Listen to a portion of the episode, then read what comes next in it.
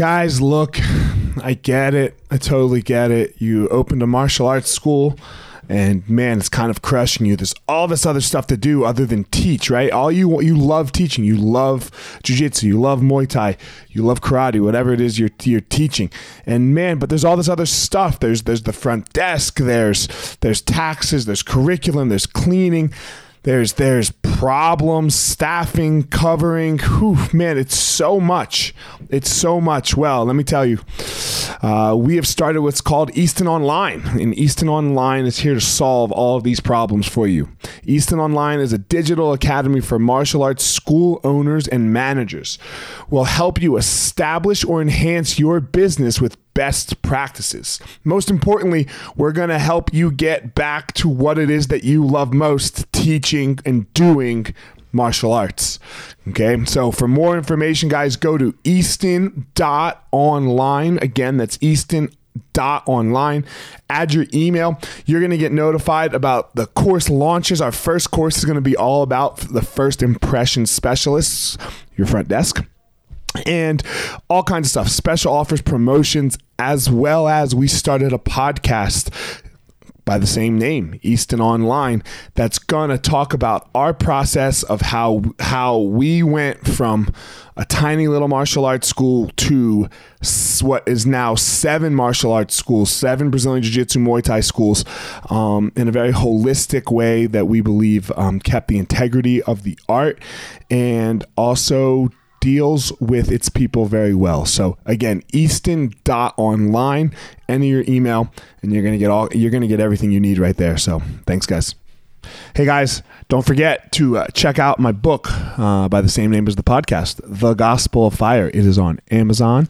Um, so just go on amazon.com the Gospel of Fire, or you can just simply search my name as well, Eliot Marshall, and it will pop up. You can buy the Kindle version or the paperback version. I appreciate the support, and it just kind of goes up in about my life a little bit as a, as a, a memoir ish to self help ish type book. But uh, check it out. Leave a review if you so choose and you find it helpful or unhelpful, either way. So, Amazon.com back and then search the Gospel of Fire. Guys, the podcast is also brought to you by Onnit, O N N I T, Human Optimization Company. Again, code word Eliot is the code word for your order on Onnit. You will receive 10% off. Again, O N N I T all kinds of stuff for human optimization. They have supplements. Um, man, they have the total human. They have all kinds of stuff. Alpha Brain. I love me some Alpha Brain every once in a while when I know I got to sit down, get some work done. The brain just kicks in a little bit. I've uh, I've enjoyed using the Shroom Tech Sport. It gives that little extra boost when I'm when I'm getting ready to go do a workout. So again, O N N I T code word Eliot, and you will receive ten percent off your order. Guys, this podcast is being brought to you by Evo Labs. Evo Labs is a cannabis company who uh, has some of the best CBD products on the market. I really enjoy all uh, their CBD products. They have an intense salve that is my favorite product, where um, deals with muscle soreness. You rub it uh, on your muscles. You rub it, you know, rub it on your body after a shower, and uh, man, really helps relieve the soreness. The other CBD products, um, all kinds of different ones um, that you can can intake or use some for sleeping, some for stress and anxiety. Anyway, evolabs.com. Go check them out.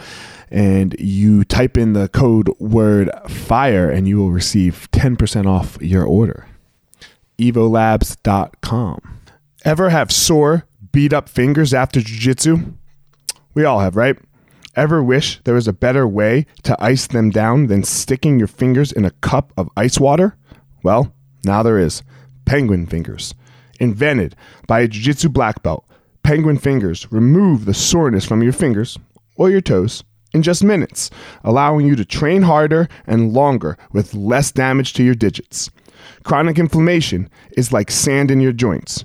Training day, day in and day out with sore, irritated fingers can leave them arthritic and knobby. Penguin Fingers can stop all of that before it ever starts.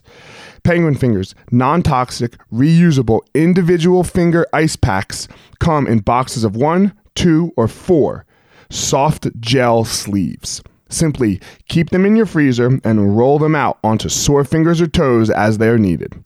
Available on Amazon or at penguinfingers.com. Fingers are life tools. Protect them. Use code 10 the fire and you will receive 10% off at checkout.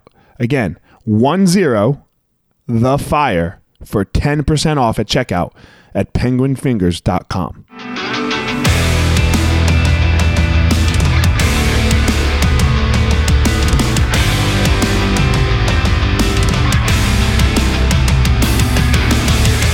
is former UFC fighter Eliot Marshall, and this is the Gospel of Fire, where we're going to go through the fire to learn how to live the best life possible.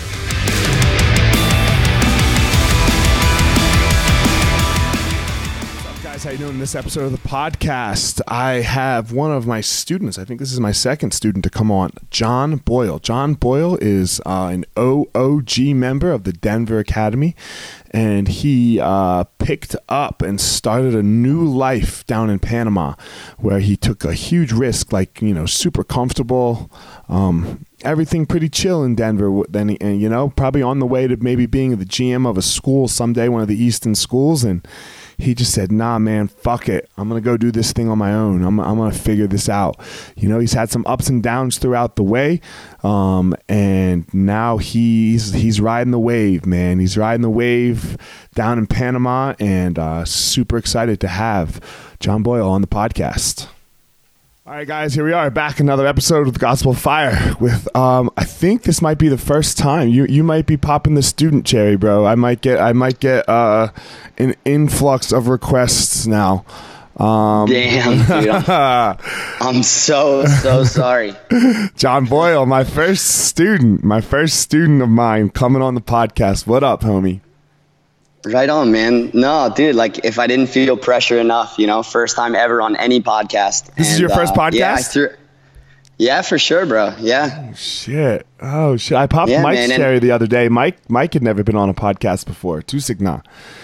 And No, man, I I listen to a lot, you know, and and it's been a huge inspiration to me. And uh, I listen to your podcast a, a ton, you know, so I really appreciate the opportunity, you know, and uh, I kind of bothered you. No, it's all good, to man. get on. And no, it's good. I like it. I like it. I wanted to make Good. sure you really wanted to be on. Like, had Yeah, man, like, for sure. You you better have something to fucking talk about, right? Like, you can't ask to be on a podcast and then she'll be like, "Yeah, what up?" well, it's the it's the thing. Like, uh, I'm probably for sure the least distinguished guest you've ever had on. You No, know? I don't think so. probably by a. But I like. Uh, I feel like I do have a story to tell, and you know what your your kind of mission, like I feel like, is to put things out there, and you know a big broad audience, and see what resonates, and see what what people can connect with, and that could be literally you know anything for any kind of different person. So, So, so you've listened. I talk about go ahead. yeah, sorry. man. No, go Yeah. go go. So if you talk No, about, go I- ahead. If I talk about anything, you know, the least bit significant that resonates with anybody out there, then man, that's super, super cool. And I, I really truly believe that's how we can like change the world around us. You know, I kind of feel like from what you said, you feel the same way. So I want to, I want to be on, man. I want to be in, I want to help out. If I can contribute, then, you know, I can. Fuck yeah. Um, so you said least you like the most undistinguished, or I don't know what you said about yourself. Um, Probably. Um, so I've had a lot of guests on. I've had good guests, right? I've had a lot of good guests. I feel like. Um, For sure, man. Do you want to know who my number, the number one downloaded podcast of mine is? Who's that? Chris Reese. No way. Yep. Right on. Do you know Chris Reese? Do you know who he is? Yeah, for sure. Yeah. Yep. Yeah. yep. He's a, just a random. Oh, I guess he's a. He, yeah. Chris Reese is a student. Sorry. Never mind.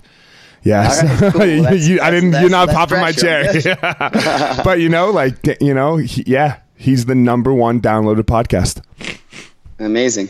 You know, so yeah. Well, that just goes to show. You Yeah. like uh, I say it a lot. Like, man, I love jujitsu. Obviously, I've been training for you know coming up on my 12 year anniversary. But like I say it all the time, man. I'm a zero time Naga champion. I'm a zero time Mundial champion. Zero time Pan American champion. But I love this this art just as much as anybody else, and you know I'm a I'm a motherfucker on open mats too. Like I can hold my my own, and you know what I mean. But I do it for the love and the passion, not really the uh, the accolades. You know, not saying that those that do hunt those trophies are doing it for accolades or or you know they have their own personal reasons. But just for me personally, like uh, you know, there was a time in my life where I, I definitely wanted to be like world champion. I tried, you know, I really put all my effort into that. And dude, I lost my first match both times at blue belt and purple belt, you know? Right. But uh, after that, it's like sitting there dejected, like broken. Man, what do you do? Quit? You don't quit. You can't, you know, you can't leave what's given you so much. So I just keep pushing on and, and the art keeps giving back to me like again and again. So I always say there's I can never repay jujitsu. You know, like the sport has given me so so much in my life. I can never ever give that back enough. You know. It's impossible, right? Like you'll never yeah. like if that's your goal, you'll never achieve. You'll fail. But that's why you have to reach for it every day. It's a vision. Exactly. Right? It's a vision. So that's what I that's what I say as a vision. You know, like you are reaching something that is like unattainable. Because if you can attain it, then then you, you're going to stop reaching someday. You know, you will yeah, you'll stop for sure.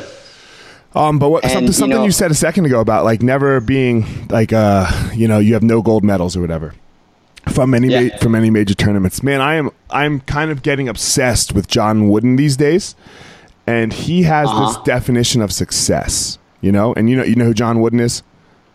I don't. Basketball coach, basketball coach at UCLA. So uh, the probably the best, maybe the best college coach ever. Um, he's uh, he's definitely up there. Like he has twelve or ten national. I think they won ten in a row national titles. Right you know, he was uh, Kareem yeah. Abdul-Jabbar's coach. Anyway, super super successful coach. Success is peace of mind, which is a direct result of self satisfaction in knowing you made the effort to become the best of which you are capable. Yeah, man. You know, that's a, that's an amazing quote. It's that's a, an amazing yeah, quote, and it's what it is, right? Like because, like you said, bro, come on, man. Like nobody can hit the NOS button like Buchecha can hit the NOS button. You know, like nah. he hits nah. that. He, he's like, go, go, go. You're like, God damn, are you fucking serious? Like in Fast and the Furious, you can only hit that shit once. You can't hit it over and over and over again. You know.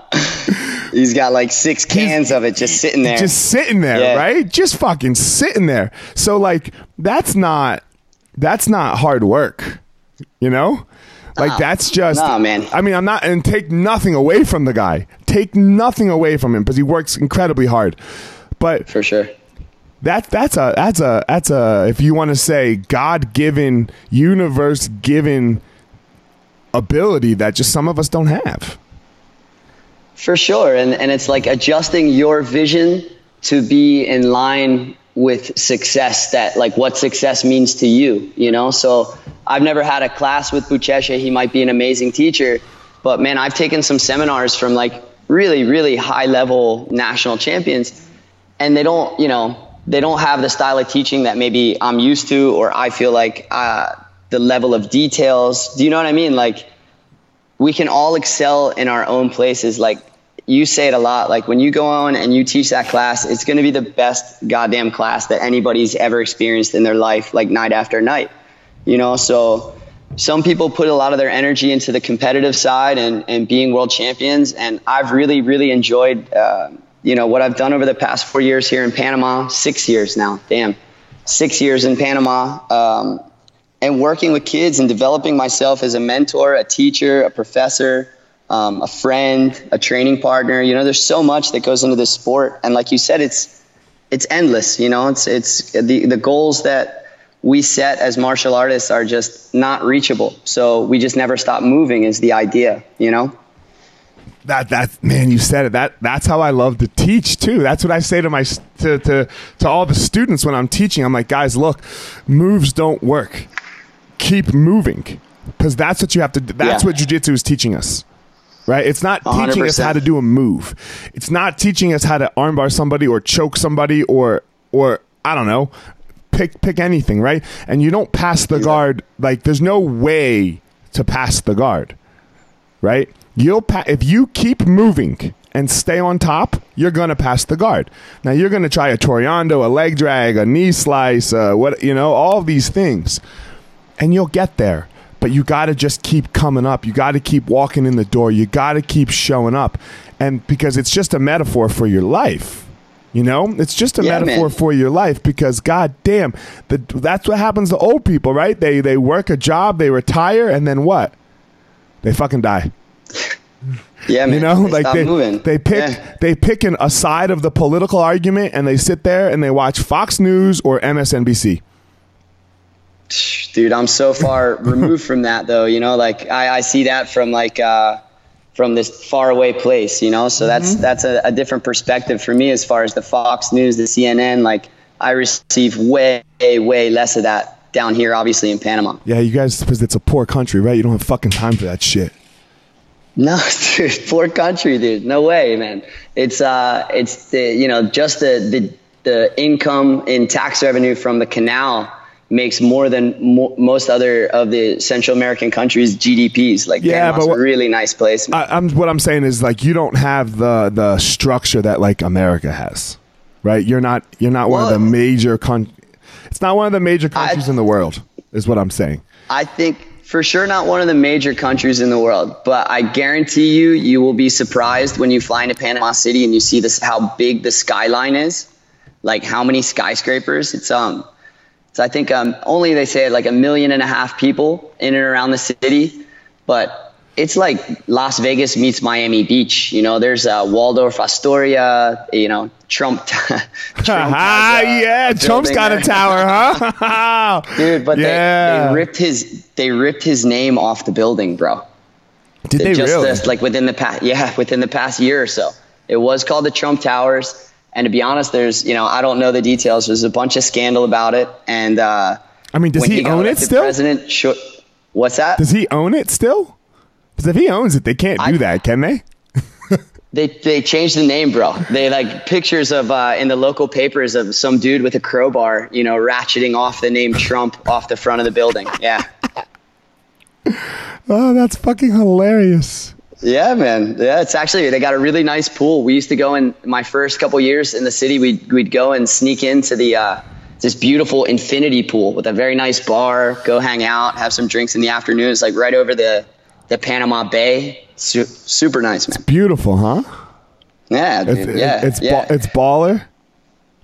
It's super baller, man. Actually, really like uh, there's there's some things in Panama that are you know just as uh, you know as far as food, nightlife, uh, hotels. You know, it's super safe country. You know, I, I can't speak enough about that. And there was actually a, I made a post on Instagram like last week about getting down to Panama and doing an Easton thing. Yeah, you blew it And up. I forget, I forget who mentioned, but somebody was like, the parents don't feel like safe, you know, bringing the kids or some, there was some concern about the safety or, and, and I think that's a real shame, man, because my mind was blown the first time I visited Panama by myself in 2012. And I had lived in, with a family in Costa Rica before then. But anybody that's taken the time to do a little bit off the beaten path traveling realizes that the world is a is an amazing place, and there's just as many dangers in Panama City as pick a city in the United States. You know, say Detroit. I you know I grew up in New Jersey, so I wouldn't dare go near Camden with a with a ten foot pole. You know that. So it, everything. So there was there was two problems reasons everywhere. to go to Camden, right? There was it was the drugs, or three reasons: drugs to get shot, and then there was the the, the E Center. You remember the E Center where they used to hold Yeah. concerts sometimes? Of course, And then and then course, how yeah. old are you, Boyle? I'm 35. Just turned 35. So like when you were 12, they built the aquarium. Right, you know. So then, then, like, like halfway through our childhood, there became a fourth reason, but, but, but, but two of them, and the two most likely for that to happen to you were the drugs and the get shot part. And yeah, that was dumb. Dude, Camden, Camden Eliot, I had a friend. I had a friend in high school who literally got kidnapped in Camden. He was kidnapped for a week. Holy fuck! Yeah, dude. The McDonald's dude. had the, the, the, the McDonald's and the Burger Kings and the KFCs have bulletproof glass. Like you can't, Yeah, dude. right? You can't. So You can't So hand the you- money cashier to, to, to person. Like you have to put it under like you're at a fucking bank, you know, but even worse than a bank, right? Like it's bulletproof so that the person getting the person working at McDonald's doesn't die. Yeah, bro. The worst parts of Panama City don't have bulletproof glass like that or nearly that. Like, granted, I'm not going to go there either. Sure. But you know what I mean? It's it's Yeah. all it's all relative. It's all relative. And and here, like, dude, on, on in my little academy, which actually just expanded, and it's like the the the, the mat space of my dreams, basically. But on my on my mats, I have kids from Israel, uh, Belgium, Spain, uh, Panama, of course, Canada, United Oh, States. excuse me. Like it, salute. It's a big expat community down here, and and once I kind of fell into that crowd you know, so basically, like I, I moved down here in 2013 officially, and uh, So hold on. All right. So hold on. Let's, let's back. Let's back up. Let's let's tell All the right, story. right, let's all right. tell the story. I'll, I'll wait. Let me. no, no. Let's tell the story. So you were working in Denver, right? You you trained man, I and was, worked uh, at the Easton Denver school, and I can remember I that. started in. I can remember that Yeah. first day I came down to like when I was coming on to Denver and, and like me, you and Larry sat down and you looked like nervous. You were like un you were like like what the fuck's about to happen a little bit, you know? Well, So- dude, I'm I'm glad you brought this up, Yeah, man. bring it Because up. I re- I remember the first time I ever had a class with you. I remember our first class. You know. Okay. And I was still a white belt. I was maybe like uh, three stripes, so it was it was an intermediate class.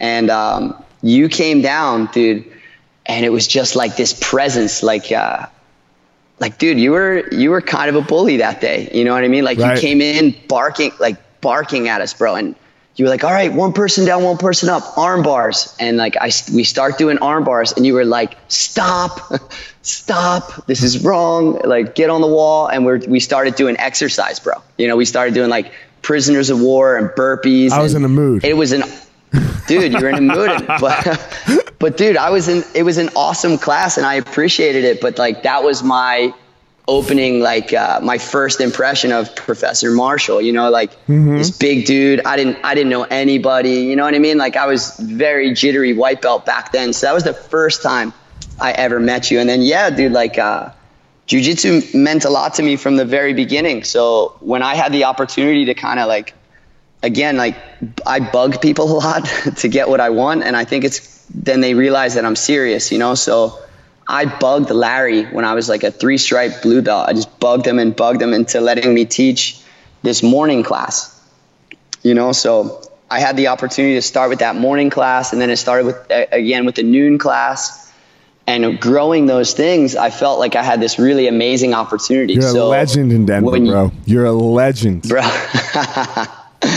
you know, that's I bring coffee and donuts to the guys. I don't know if they're doing that in morning classes anymore. They You know, are. I'm bringing it's Nick, bagels it's, and it's coffee. Nick Maverick, you know. So Nick Maverick, Yeah, who, who you were his his original teacher, probably, because that's when he was coming Yeah. as a white belt, and that's what he Yeah, remembers. So now he's the one teaching the morning classes, you know. And I, I keep track, dude. It's amazing, Bro, It, he- it still it. go ahead. Yeah, it fills my heart, man. It fills my heart seeing that. I know, have John really Boyle felt- again in the morning, bro. I have John Boyle. I, Yeah. I wake up and I, I, I don't uh, I don't do it so much anymore. I see pictures on Facebook, you know, and I see 30 Yeah. people, 25 people at 5:30, 6 a.m. and I'm like, God damn, my boy Boyle is back. You know? It's amazing, man. And every time I go back, dude, I'll go back to visit. I don't care if I land at, at two in the morning. I wake my ass up and I go to that morning class. If I'm ever in Denver, I won't announce it. I just show up. Like that morning class is, uh, man, there's some really fun times had there because everybody had to earn it, you know. And there were some days where I come in, dude, and there's one person, two people show up. You know what I mean? And then you try making that the best class you've ever taught, Yeah. and ha- and actually them and them believing it. You know, so like I've had uh, Professor Ian ask me sometimes like, "Hey, you know, is there anything, any pointers you could give to to growing the morning class?" And that was the number one thing, man. Is like it does not matter how many people show up. You have to be excited to teach that day. Really, truly excited, not bullshitting. You know what I mean? Because Yep. if somebody rolls in and they they even get the least bit sense that you don't want to be there, dude, that sucks. It's That- done. That's not that's It's not cool for done. the yeah, dude. Yeah. yeah.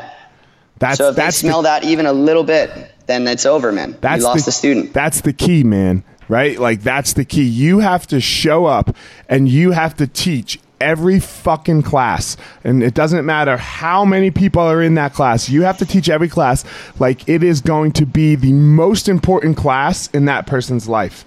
because 100%. the truth of the matter, it is. Yeah, man. It's, it's the yeah. class they're doing right now. It, is it going to be the class that's going to make them uh, fall in love with jiu-jitsu? Like re- really fall in love? Or is it going to be the class that they're one step closer to quitting? Yeah. You know? Yeah, and you have to be like you have to be a meter for this as an instructor too. Like uh, the the attentiveness and you know how how you're seeing your students react to your classes because every individual is different. You know, so yeah, it's it's a, an incredibly uh, fulfilling, difficult thing, and you know I respect everybody that you know desires to become a, an instructor. You know, and puts a lot of their effort there. You know, um, rather than the competitive side of things. And I think you can kind of do both, but not really. You know, like if you want to be a world champion, you're you're not trying to be a better professor. Yeah, you it's know? not. It's not possible. No. It's too hard. You you might be a good teacher.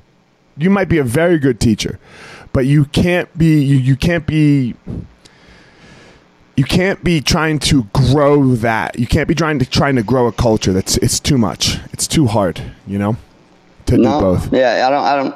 I've never seen it like you know successfully. I I still go and compete. You know because it's just fun. You know I like I like doing Right, things that scare me. Right, me too. I like getting motivated motivated by fear. You know if I Right. put if I put a date that I just paid money to go to this tournament and and fight this dude at this weight. That's you know that's my motivation to to really put all the pieces together. Um, more so than just like the day to day. So I do it, but I, I do it with the understanding that it's all relative. You know what I mean? I'm I'm not, You're not doing it again the next weekend, and the next weekend, and the next weekend. exactly. Yeah, yeah, that's exactly. that, yeah, that's what we're talking about. We're talking about two different things, right? Like, look, I compete too. I fucking love it. I love competing still. And again, um, even though I don't know, I, I might have. Fulf- no, I didn't fulfill it. I, I just had to. I had to prove to myself a little bit when I came back to competing that I still that I that.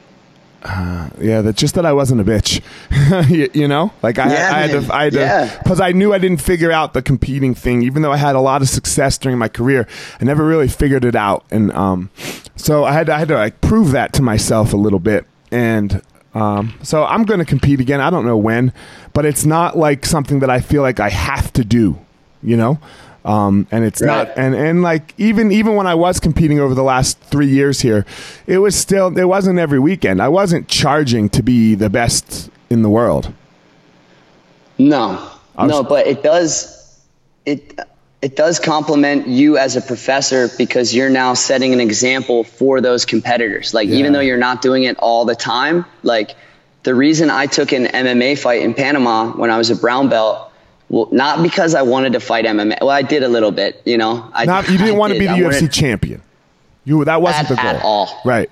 dude at all you know but i did want to i was coaching guys how to fight and i felt fake a little bit if i don't actually get in there show them that i'm capable um, of winning or losing you know but show that i'm, I'm capable of preparing um, like a real professional athlete getting in there executing like you know and just being an example for them was really the biggest reason i took the fight in the first place Walk you know and walk. the fact dude, they gave me a blue belt from Costa Rica. You know, he's a kickboxer and he's a blue belt, and I'm, you know, really, Right. I'm a brown belt from Easton Brazilian Jiu Jitsu. There's zero chance I'm gonna let some blue belt beat me in a fight. Like Sure. zero chance. You know what I mean? And that's and that's the confidence I took like deep in my heart. You know, because from day one. You know, I learned how, as a white belt, closing distance, clinching, putting people on the floor, how to manage dif- distance effectively, how to stay on top. You know what I mean? Like, mm-hmm. I learned skills that go beyond sport jujitsu. So when they said, "Hey, this is the guy we have for you. He's a blue belt from Costa Rica, a decent kickboxer," I was like, "Hell yes!" You know, Right. Blue belt, bring it on. No chance. No, yeah. And I think that's important, man. I really do. I like your your whole attitude is is important. Like you you I don't know, man. You could have you could have just chilled in Denver. You know, you'd probably be the GM of a school right now. And I'm, and I'm not saying that anybody that did this is, is, is the wrong path, but I just like what and and look, when you were here, we didn't have this thing figured out like we have it figured out now. Um, not that we have it figured out, but we we've figured it out a lot, you know, over the past five years or so. Um, For sure, man. And I remember there's a phone. a phone call. If you remember, like you and Amal and I had a, a call, and and you guys brought up the idea, like, you know, would you be interested in coming back for a school? Oh, I remember that. Um, but yeah, maybe, a couple years but ago. maybe not, maybe not in Colorado or not in Denver. I remember that because you know, and we'll we'll get to you know my story later. But I was in a point down here in Panama where I was really struggling and trying to figure out what my next move was. So that was like, yeah, I agree. You know, it's, uh, we've talked about this before. I think a lot, man. It was a hard move, you know, for me. It was hard to leave. I had a family there with you guys. Like, I really miss everybody um, back on the mat and my routine there. And, and I was very, very comfortable in that routine. I was waiting tables at a very nice restaurant. I was making good money. I had my students, um, but just some part missing, man. You know, it's just it wasn't an easy move. You know, it really wasn't. But uh, It was man, a uh, courageous where I- one. it was a courageous one, though. You know, It- you know, and this is yeah, this is uh, uh, this is what it is and there's and i'm sure like when we're talking about your story in there right like when like when we called you and you happened to be going through hard times you know or like it was a struggle of what you were going to do like uh man those are the easy times to like check it in you know be like all right yeah, I did this, you know? I did this for a little Yeah. bit. This was fun. And and I think sometimes like that's the hard part like because sometimes it is that is the answer. The answer is okay, this isn't working. You know? Let me let me sure. let me For ch- let- sure. you know? Like so like how you made that decision. But but I think the the the lesson is whatever decision you make, you got to fucking ride with it, man. You know, you got to Yeah. ride with it, and then you got to fucking make it happen. You got to make it happen. You, you know, like Yeah. I think that's what people. I think that's what we can do. That's the lesson. The lesson is let's fucking go. I can make this happen. yeah. I mean, that's it. And and you know, I also have uh, a new tattoo I got on my arm. Well, it's not new anymore, but new since leaving states. Okay. And it says, uh, "As a man thinketh in his heart, so is he." And um, it's a Bible quote, but not that I'm a religious person. Um, a guy in the in the 1900s made an essay. This guy named James Allen, and he used that quote as a description of of willpower. You know, the power of your mind and true belief in yourself. You know, if you truly, truly believe that this is what you're meant to be, and your vision is crystal clear of not only what's in store for you uh, in the future, but who you are as a person. Like if you have a clear honest uh, perception of yourself as to who you are, that's how you're going to act in life. I mean, that's your reality. That's everything around you. So, um, yeah, man, sticking to your decisions, developing a really clear vision and honest perspective of who you are as a person and how can you improve and what are my what are my strong points and kind of using all that in the face of those tough decisions because you know just because you know you're you're you're a positive person and you're you know you try and maintain like a really positive attitude which I kind of feel like I've done pretty well even throughout my time in Denver it doesn't necessarily mean that you're going to like move forward or you're not or you're like you're not going to have really hard times you know? You can't just uh, shit out rainbows all the time you know what I mean? There's times that are they're they're going to suck you know? There's times you're going to suck and it's going to be hard to keep that like that positive beat and like okay let's just keep grinding. Like there's going to be times where you feel just like i'm trapped you know i don't, I don't know what to do you know and and uh, it's the times like that where you know i really think the jiu-jitsu mindset um, comes in because i can't tell you how many countless times i've been trapped beneath somebody and just completely you know exhausted panicked want to give up want to stop but you realize it's like the panic, exhaustion, all that stuff aside is you can keep going. You know, you can you can push forward. You can replace guard one more time. You know, you can make one more hip escape. Like always, always you can. So just trying to take a little bit of negative emotion out of it and more actions. You know, like I, I can't remember who said it, but I believe I picked it up from somebody in Easton. Is um, emotions don't win fights, actions win fights. It might have even been you. Mm, that's But I've. I've used that a lot.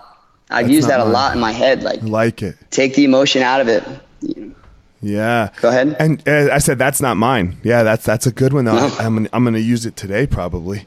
um, and and the thing is, right? Like, and it's what jujitsu kind of does for us. It puts us it puts us like in the, it it puts you in the moment because when you're in a fight there there's no other moment there's just this moment like you're not thinking like when you had your MMA fight bro were you thinking about your girlfriend at all no how about your no, mom no nothing nothing nothing you're not uh. thinking about a fucking thing other than what don't die. Close distance. Don't die. Dominant position. right? yeah, yeah, yeah, Don't no. die. And then okay, all, don't die. What do things, I have to? Yeah. What do I have to do to not die? Okay, exactly. close distance. Right? Like you're in a fucking fight, and this person will kick your head off if that's what's you know, necessary. And that, was, and that was the crazy thing, Professor, about like you know I've had this problem, and you've even tried to help me with it in Denver. Is like. Uh, like I tend to be one of the guys that's like a beast in the gym and in the open mats, but mm-hmm. I, I,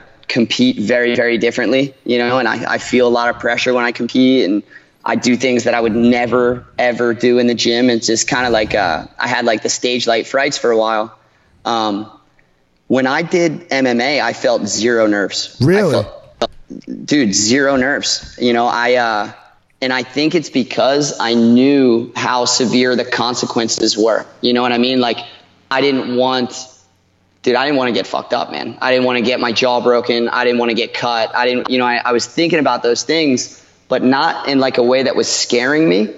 I was thinking about those things and then saying, no room for fear. There's no room for this. You know, I need to be laser sharp. And then I just took that attitude with me all the way through the walk. You know, I walked out to like this uh, Irish drum and flute, like war music, like uh, the the music from Gangs in New York. Uh huh. And uh-huh. I just, dude, I just felt like uh, I just felt like a killer, man. I just felt like a killer, and I felt zero doubt. I knew I was going to win. I knew I was going to do what I had to do. I just, you know, it, it just, uh, it was this amazing feeling, man. I, I didn't ever feel that in jujitsu, but for some reason in MMA, I just felt like a cold blooded, just go in there, do the job. It's going to happen, you know, no doubts. Dude, that feeling like, God, if there was ever a reason that I was going to tell someone to fight, because I don't yeah. try to tell anyone to fight, but that feeling, like, there, there, there is nothing like the feeling of, of walking to a fight. Yeah, man. You know? Yeah. There's just like what that feels like, like the the like the the surrealness of it, the moment of it, like holy fuck you know like holy fuck like, yeah. like you just like you know how on this is about to be and it, it's why yeah. i love the man in the arena quote by roosevelt you know i'm looking at it right now like you know like you like you you are not going to be a timid soul you know no like for the rest you know like fuck because there ain't nothing like it. You can't tell me that there's anything else like that. Like, like uh, the Super Bowl. Yep, fuck you. Not like that. No. You know, not like that, man. Yeah. The Super Bowl, you're throwing no. a fucking football. You know, and I love the Super Bowl. Yeah. I love the Super Bowl, and I love football. You know, there, there but there ain't nothing like that. There, you are let me, no. when you go play in the Super Bowl, you are not thinking about dying.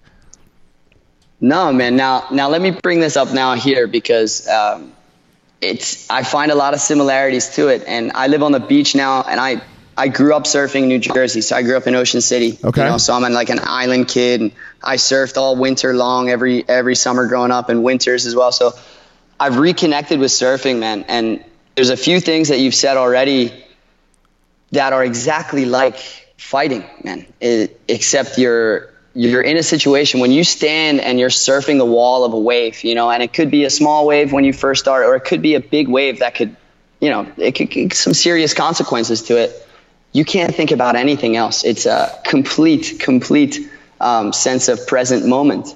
Um, and there's no other feeling like it, besides what I felt in, in that fight, that walkout, like taking off on a wave that I know I could get hurt on. You know, it's kind of like in your head, it's like, don't die. You know, I've had that same feeling taking off on waves. Like I see the bottom, like I can see the, the water boils when it gets shallow and okay. there's rocks underneath and you're taking off like an eight eight foot vertical face and this water you know tens of thousands of gallons of water is just getting ready to suck up over you and crash and explode in like two three feet of water you know what i mean like if you fall in that you're gonna get hurt like there's the chances of you getting hurt are really really high you know And I don't like to think of myself as an adrenaline junkie. It sounds crazy after coming after that, but like I chase the I chase those feelings like that I get on the mat. It's not a sense of presence. It's not a gener- adrenaline. It's presence. Yeah, you just said it. It's a sense Yeah. of presence because you have to be so present and you have to make adjustments because you. I, don't- I don't know if you've ever surfed a wave perfectly because I've never done jujitsu perfectly. You have to make. I I don't know if you can because I've never. I suck at surfing, but like you have to make all the like in jujitsu, you have to make all these adjustments, like these little little adjustments when when you're off. And I'm assuming it's the same thing as is very similar to surfing. You tell me if I'm wrong. Like you're up on this wave and you have to balance check here and move your toe here, you know, and and like, am I right? Dude, absolutely. And- And, and- I mean, just as no roll is the same, no wave is the same. That Right. wave is moving constantly. You're making adjustments. Yeah, 100%. and you might are do the same Yeah. thing to, to correct. It might be the same move that you do, but you don't know that going in, Right. right? You might. No, you don't. It's like okay, move my the left little toe on my foot. The you know on my left foot, move my little toe, blah, whatever. You know, and you're not even aware that you're doing it. Sometimes you're just doing. Right, For sure. You're You're just, just- you're in the just moment. There's no thinking. It's all feeling, and you're as present as present can be. And that's and that's that's what we're looking for. That's what enlightenment is. That's what the, in my opinion, that's what the Buddha's talking about when he talks about being enlightened. You know, Yeah. it's not about Yeah, being sure. saved. It's not about like living a, this perfect life or living this. I like. Um. So this is where for me, this is where uh, organized religions fall for me. It's this idea that I need something else. You know, like Yeah. I, I can't need something else because if I need something else, it could always let me down. Right? It could always not be there for me. For And sure. Yeah. in, in- my darkest moment, it could always not be there for me. And and where enlightenment comes for me, and like the the the, the reach for enlightenment is that it's all within myself. Like there's nothing, there's no God, there's no like there. I don't know. There might be a God, but but I'm not relying on it. You know, I'm only relying on on Eliot Marshall. Well, and then you know, I had this thought when I was a kid. Like, uh, I was raised Irish Catholic, um, but my parents were, were separated. You know, so my mom is actually a, a Zen Buddhist, like chaplain. You know, she's oh wow, reverend. that's fucking cool. Hell yeah. Yeah, my mom. So my mom's a, a Zen Buddhist chaplain now, and my dad is Irish Catholic. You know, so I grew up going to Sunday school and all the rest of it. And I remember, like, I can't remember at what age, but it was super young. I remember having this thought that was like, uh, while we were we were praying, and I was thinking about who, what, who, and what am I am I praying to? And I just realized I'm just talking with myself. You know, so I just had this idea that. Um, you know god whatever you want to call it that that greater power is just it's an internal dialogue. You know it's it's you it's your presence it's your connection to things. Um, so yeah I, I completely agree with that. You know it's you don't have to look anywhere else. We all have uh, all this power within ourselves. I think it helps a lot of people um, to be in a group you know it, kind of connecting with other people in a common That's setting the amazingness of organized religions. yeah. Yeah exactly You know, the the amazingness is the is the uh, is just the the the the community that it creates. You know, it, For sure, as long as- y- y- y- uh, ev- I would say, ah, God, even okay. Let's even take the worst ones, I guess. You know, um, all right and just look at that community of people. They feel very connected to each other. And I think For that, sure. I think that's Yeah. good for the human being.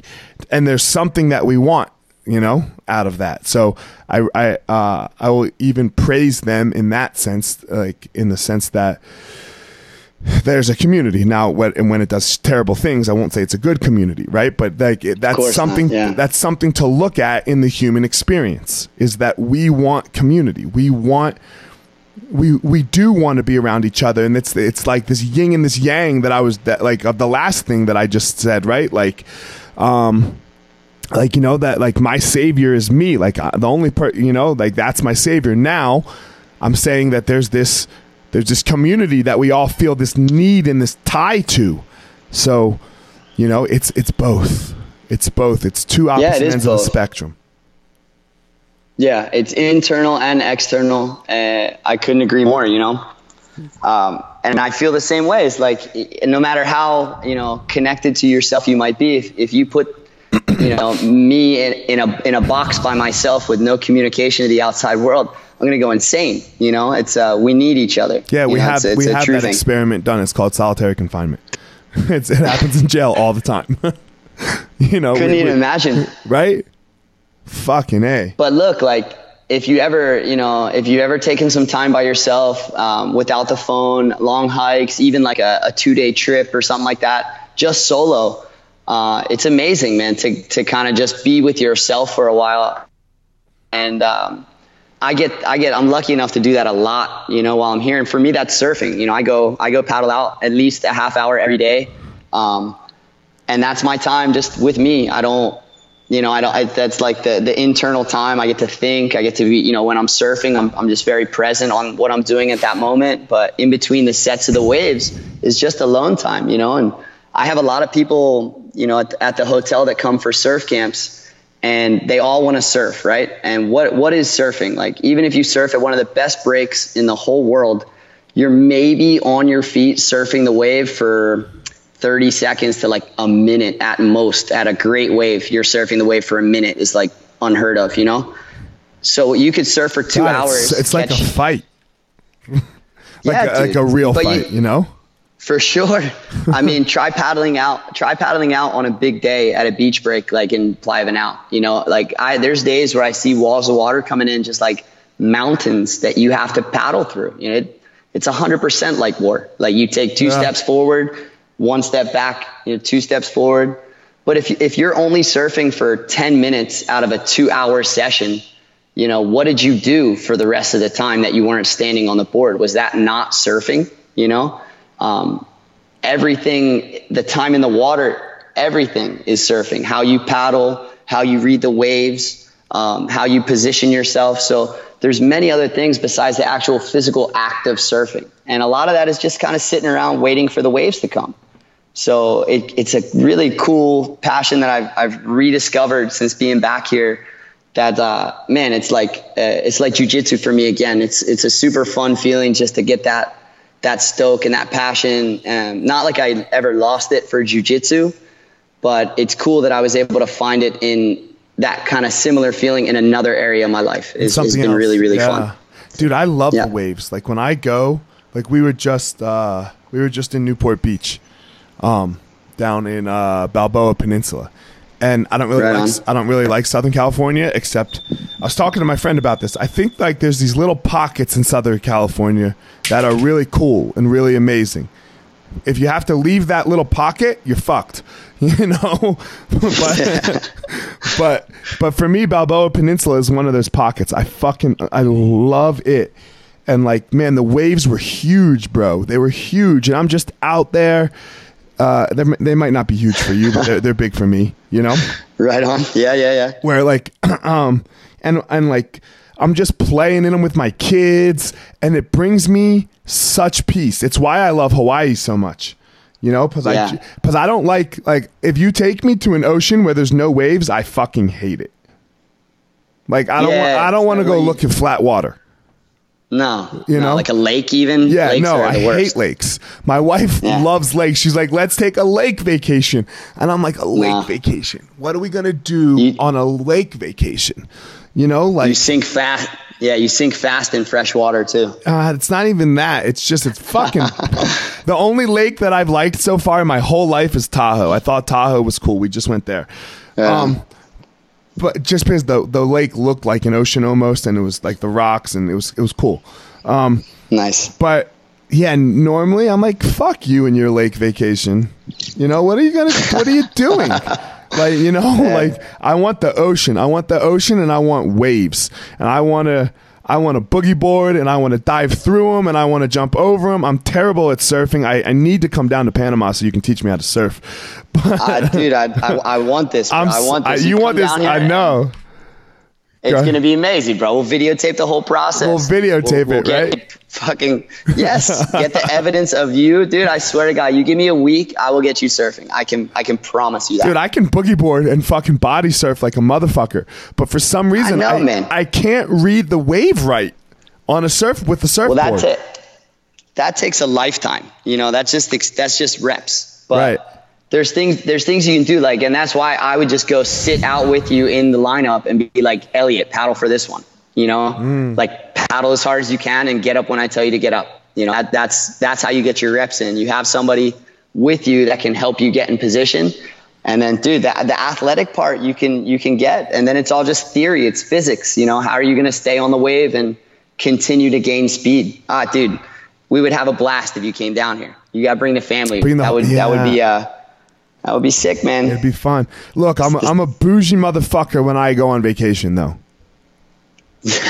like I have to tell well, you, I'm, I'm, bougie as fuck on vacation, man. Like it, like if, if, the only reason that I that I need money in my life, it's for nothing other than when I go places because I don't like I don't like the struggle at all when I'm on vacation. No fucking way, bro. Well, you got to give me your level of bouginess. So go go on the website for the hotel. I'll chat it to you later. It's beachbreaksurfcamp.com. Okay. Might as well say it on the web on the on the podcast. You go there later. Tell me if that's uh, not posh enough, and I, I, can hook you up with a, a sick apartment here, man. You can okay. have your own like.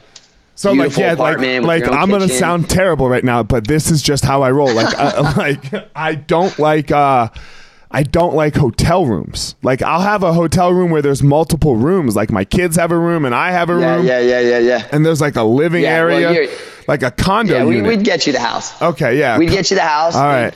But listen, not only that, we get you a house. You get your house cleaner. You get uh, uh, yes. um, somebody in there, somebody in there that can cook like nice Panamanian. I don't need. I don't need cook. I don't need someone to cook. I'll love it. I mean, I'm sure I'd love. I'd love a cook, but I don't need that. Like, I don't want someone sucking yeah, my yeah, dick. Yeah. It's just. Uh, see, like my bouginess is really weird, man. Like, hold on. Like, I don't. I, I don't need like bougie food. I want like the local food. Like, I don't need that. I like. I like to. I like to. Uh, how do I say this? Because it's not always all the time. I like to feel like a local, but in a really nice house where I'm comfortable. Yeah, okay. Like you know, like Sick. like where if I if I want to just sit on the couch and take a nap, then I can do that. I don't have to lay in a bed. Like you know, like yeah. things like that. Professor, you got me. I got you covered. You got me. All right, you. Boyle. We might Dude. be talking. And like I literally, literally I, I make I, all of my money for vacations. That's all I do is because like I like when I'm when I'm going on vacation, bro. I'm like, nope, don't care how much it costs. Let's go.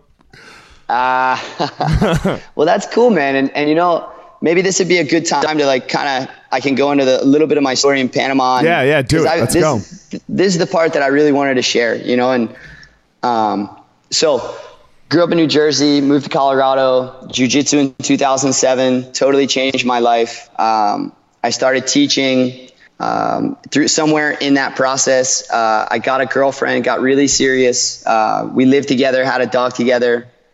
That fell apart. And that was a big reason, uh, a motivator for me to try and find change. Like that kind of was a really, really hard thing for me. I, I felt terrible about myself. It was just a really tough situation. Um, and around that same time, I met this dude named Steven who uh, was an expat living in Panama and wanted a private lesson in jujitsu, right? And I didn't even know what an expat was. What is I had an no expat? idea. Eh, I still don't really know. I don't know. It's Word. it's a it's a it's it's a, it's a white person living in a foreign country. You know, otherwise they call them immigrants or migrant workers. It's the same thing. You know what I mean? It's uh, why don't we call the you know the the Mexican people that are here legally? Why would we call them immigrants and not expats? But if I went from the U.S. to Mexico, you would call me an expat. You know what I mean? Okay. It's kind of it's kind of a loaded term that way, but uh, yeah, I don't know. Google it. But he's he's an expat in uh, Panama, which means he's been living outside of the United States, basically. You know, technically. So you spend less than 30, de- 30 days a year in the continental United States or any part of the United States. So, anyway, Stephen, expat, invites me down to his gym in Panama City. So I needed the I needed the break. Uh, I went and visited him with a couple of students actually. Uh, we went down there, had an amazing time. Um, got to surf again for the first time in like a decade. But more than anything, um, I saw this guy, Steven, he like uh, this serial entrepreneur, um, super motivated guy, super inspiring guy. He's got a, a, wife. He's from North Carolina. His wife's from New York. Uh, they're just this really amazing family. That she was pregnant at the time with their first child, uh, and I was just like, look at this beautiful family that they built in Panama. And it, the thought kind of entered my head that's like, I could live anywhere I want to. You know what I mean? There's a, I don't know if it's a stigma, but it's something that like when we, when you're born and raised in the US, you think it's like, I'm so lucky to be here and why would I ever leave? This is the place that people immigrate to. You know, there's no reason for me to go and search for anything else, you know? And I am lucky uh, dude, I, I love the United States. I'm super proud of where I'm from. Super, super blessed and lucky to grow up where I grew up. Boyle, if you don't like yeah. it, get the fuck out. Isn't that what we're supposed to say? If you don't yeah, like it, right? get the fuck out. But dude, I, I do love it, you know, and do love it. But now I just love to vacation there. so, um, but anyways, I, this thought came in my head, and I said, you know what? I'm I'm gonna try for a life in Panama. I'm gonna give it a year. So I sold all my crap in the US, sold my car, TV, anything I had. I invested in this guy, Steven's gym, and moved down here January of 2013. I moved to Panama City, started working in this gym. At that time, it was called Top Level Gym, and it was in a, a part of Panama City called Casco Viejo, which is uh, is really gentrified. You know, which which means there's a huge, huge um, capital investment in certain hotels, buildings, restaurants uh, and at the same time, there's an incredibly uh, impoverished community as well. Very, very like I'm talking like squatter homes. You know what I mean? Like people just live in squatter homes that are right next to multi, multi million dollar hotels. You know, like not a, not any kind of exaggeration. So seeing that community operating the gym, we had like five clients that were paying. You know, it was really, really mismanaged. The whole business right. part of it was a mess but from what I could see, there was like five paying clients, all of whom were not Panamanian. And then every night around four or five o'clock, Steven would just basically run like a, a fucking fight club, bro. like all these kids from the ghetto would heard they heard that there's some white dude doing fight club basically. So they would come into this little back room that we had in the gym and they would just beat the crap out of each other, for, for like full MMA. You know, they would do grappling sometimes, they would do striking sometimes, they would do MMA sometimes, but it was just chaos. But it was it was awesome. You know, like these guys obviously had a lot of talent and passion. Like uh, there was a group of Olympic wrestlers that had been doing it since they were kids. They were doing a Greco-Roman and freestyle. So their their grappling level, uh, you know, some of the best in the country was was decently high. They're not like D2 in the US nearly, you know, but mm-hmm. you saw Humberto when he came when he came to Denver. They they have grit, they have heart. Um, they're tough guys. Tough so nails. I looked at dude, I looked at Steven and I said, dude, this is what we have to focus on, you know, and we agreed that like fuck this trying to make this place a for-profit gym. It's not it's not the time, it's not what it needs. It's like let's make it a, a donation based uh, sliding scale kind of gym where we do not deny access to anybody that can't afford it if you're from these certain communities. You know, you can't be like, you know, an extremely wealthy upper class person then come in and use the gym for free. You know, you do have to donate to use the gym, but if you can't donate, we're not going to say no, you know? And uh, we started training these fighters. It, it just became the most intense, fulfilling, wonderful thing that I could ever devote my time to. And uh, I really, really, really could feel every day. Like you talk about wanting to impact your students, you know, and wanting that that class to be a life changing class. Like I was feeling that every day with these guys because the situations that they live in are just awful, man. You know, and they'd be in the gym four or five hours a night just sweating and training and giving their all and just feeling that presence and that freedom that martial arts give us and, and being able to give these guys jujitsu, that give them martial arts in their life. Like I know, like I've left for two years now, which I'll get to, but I know that for generations there's going to be martial arts in this community because of what Stephen and I did. Like they're still teaching classes, they're still doing arm bars. um, they're still coming together and training, you know, and, and that was the fulfillment that I got from teaching. And, uh, as the, as the foundation moved forward, we got lucky enough to, to meet a guy named Jamie Pollock, who's with the UFC. He was like the hell of, head of, uh, Latin American talent development. We just happened to get uh, a meeting with him, showed him Humberto, who ended up getting on the first season of uh, The Ultimate Fighter Latino America. So that was Humberto's into the UFC. Uh, from there, he got invited back to fight in UFC uh, Mexico City. I forget what number. It's where uh, Fabricio Werdum Fabricio knocked out Mark Hunt. Mark oh. Hunt with a flying knee. Yeah, yeah, yeah. Remember okay. that? Yep, yep. Yeah, brutal. So, you know, Humberto became the, the first Panamanian to fight in the UFC. This guy is from a place um, called Barrio Chino, which is, uh, is really tough neighborhood. Is he famous in Panama now? Dude, sadly, no, man. Sadly, no. You know, boxing is the sport here for combat, you know? Right. Anything where it's like uh, two guys touching, there's like a lot of machismo. You know, it's like, why don't you just stand in front of each other and hit each other? It's right. like, uh, but it's it's growing, man. It's growing. You know, it's it's really like unbelievably fast. Uh, how how quick jujitsu is taking off, and you know, me being here in Panama, you know, I'm an immigrant now. Since I've been here after that first year, deciding to stay, I've I've got my permanent residency, and like you know, you've maybe heard like Joey Diaz say that immigrant mentality. Like my hustle switch turned on, like full blast. Like I started working hard to make ends meet, um, being creative, just every day, waking up and grinding. Like I learned, I'm fluent in Spanish now. You know, after the first three years, I just had to, you know, what do I do? What do I need to do to succeed? I have to learn Spanish. So devote myself to that. Like having a girlfriend and now wife that speaks primarily Spanish to me also helps. But um, yeah, so doing that foundation for four years from uh, 2013 until 2017. And towards the tail end, this is right around when we had our conversation. Um, and what kind of brought, brought me to it is you were talking about posh, you know, having posh vacations. Like, dude, I was broke. you know, like uh, my heart was my heart was full, like full overflowing, but my bank account was like negative. You know, and that's not okay. You know, you you can't you can't put all your chips in this like starving artist basket when I realized this and it was uh, something that, that it didn't come to me right away, but it's like I have an unhealthy relationship with money, you know, growing up kind of lower middle class. Um, I kind of got some things put in my head that like, you know, if you have money, you're an asshole. Like you're a sellout. You're a, you're a mean person. You screw somebody over. You know what I mean? I, I had all these negative associations with people that had done well for themselves. Um, so that made me almost like for some weird reason, like not want abundance of money or, you know, I wouldn't actively seek it out. So I developed a vision, man. And, and I, I meditated like three times a day. It was from this book I read called the, the answer.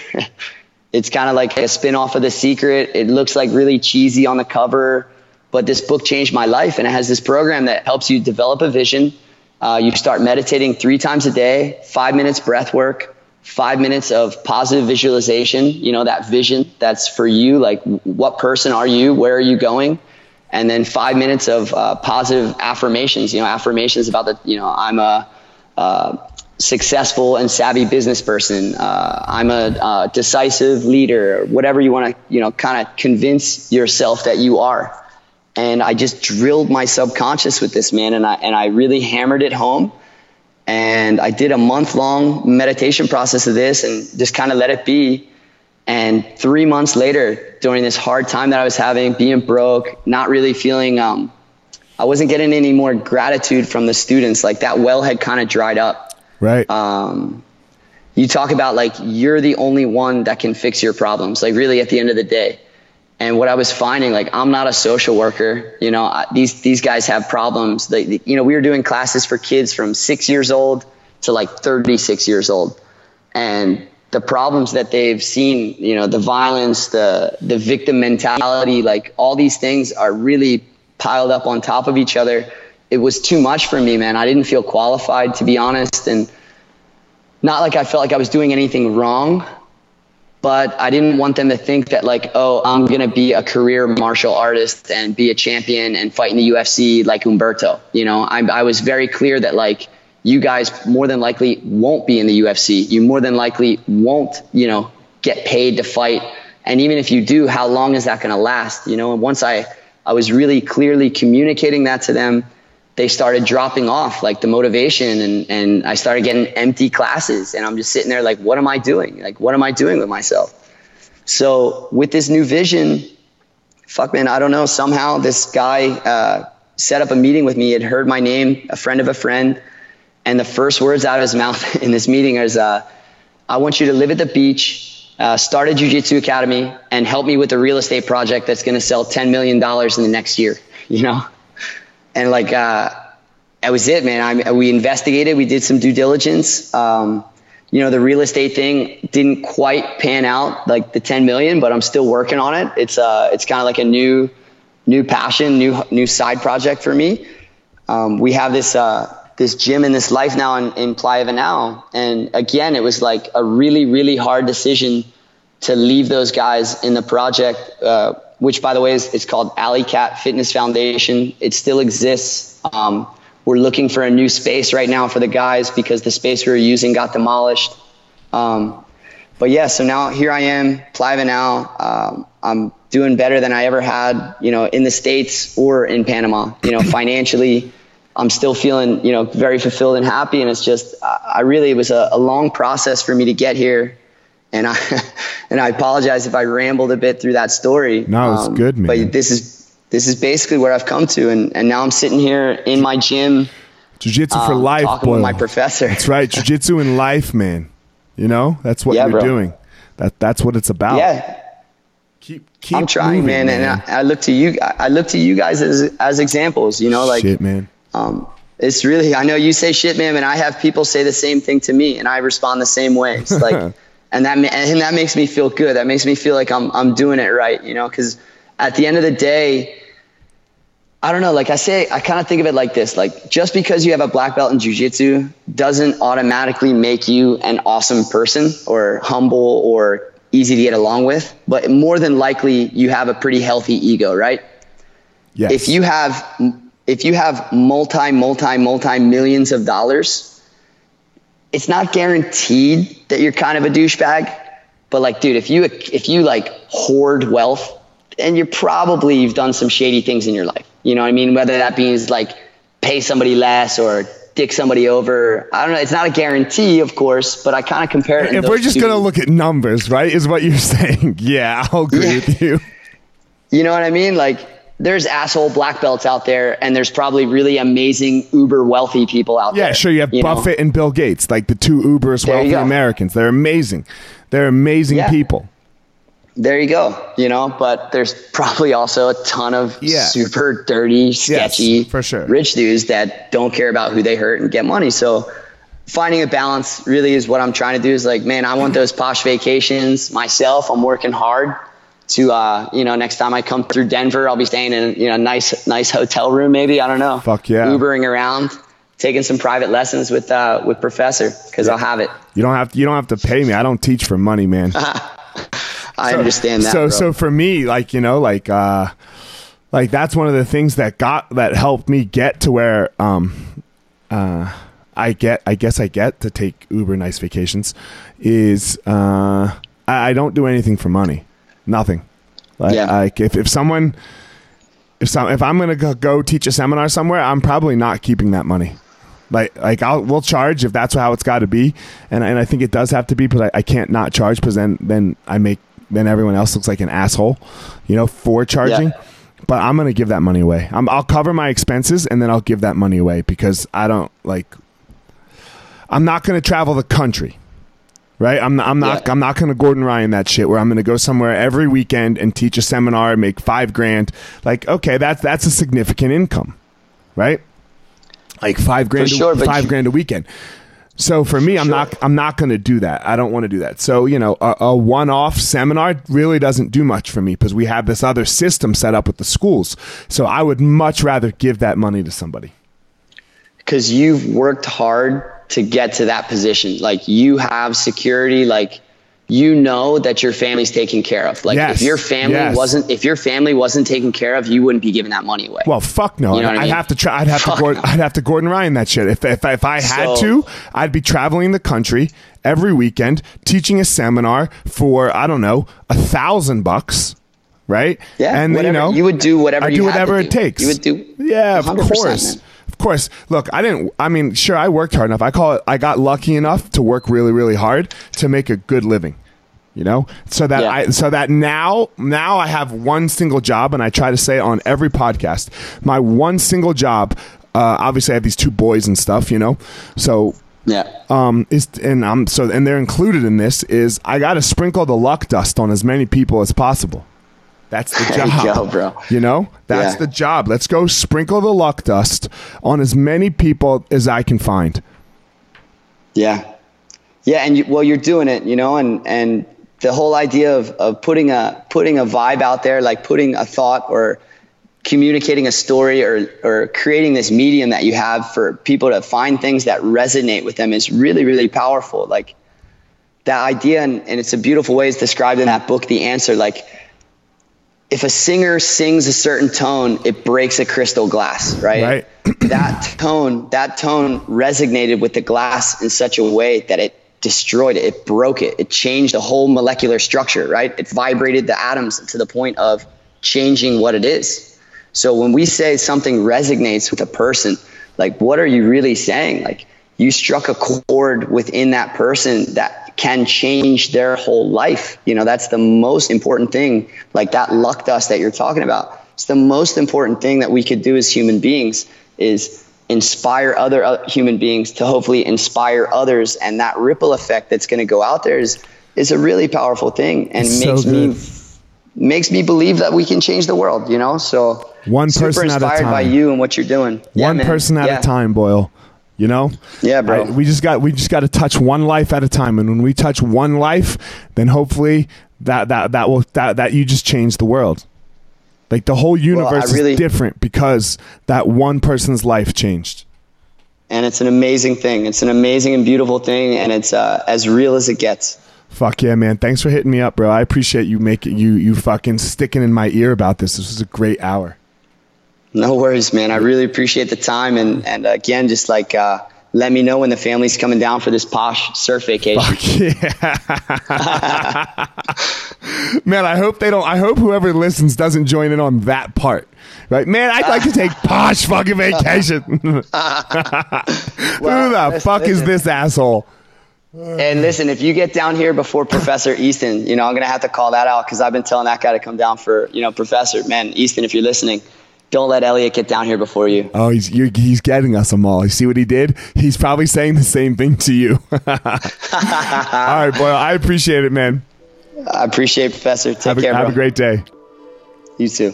Bye. Ciao. All right, guys, thanks for listening to this episode of The Gospel Fire.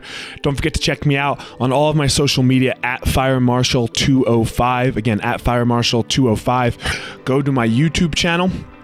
Um, Fire Marshal 01, that is, for YouTube, where you can follow. I'm, I'm making these videos 100K strong. That's the goal for the year. I want 100,000 strong listeners to the Gospel of Fire. So I'm making, trying to make a video a week so that you guys can follow along on my journey of, of how I go about my day, some things that I talk about, some things that I try to work on for myself. And then finally, don't forget my website, eliotmarshall.com, where you can get up to date with everything that has to do with me personally, the Gospel of Fire. You're going to find all about my book release, um, also called The Gospel of Fire, February 12th. It will be for sale on Amazon that whole week for 99 cents. So, all that information at eliotmarshall.com. Thanks again for listening. Thanks to my sponsors, Evo Labs and Onnit. So, uh, that's it, guys. Hope you enjoyed the episode.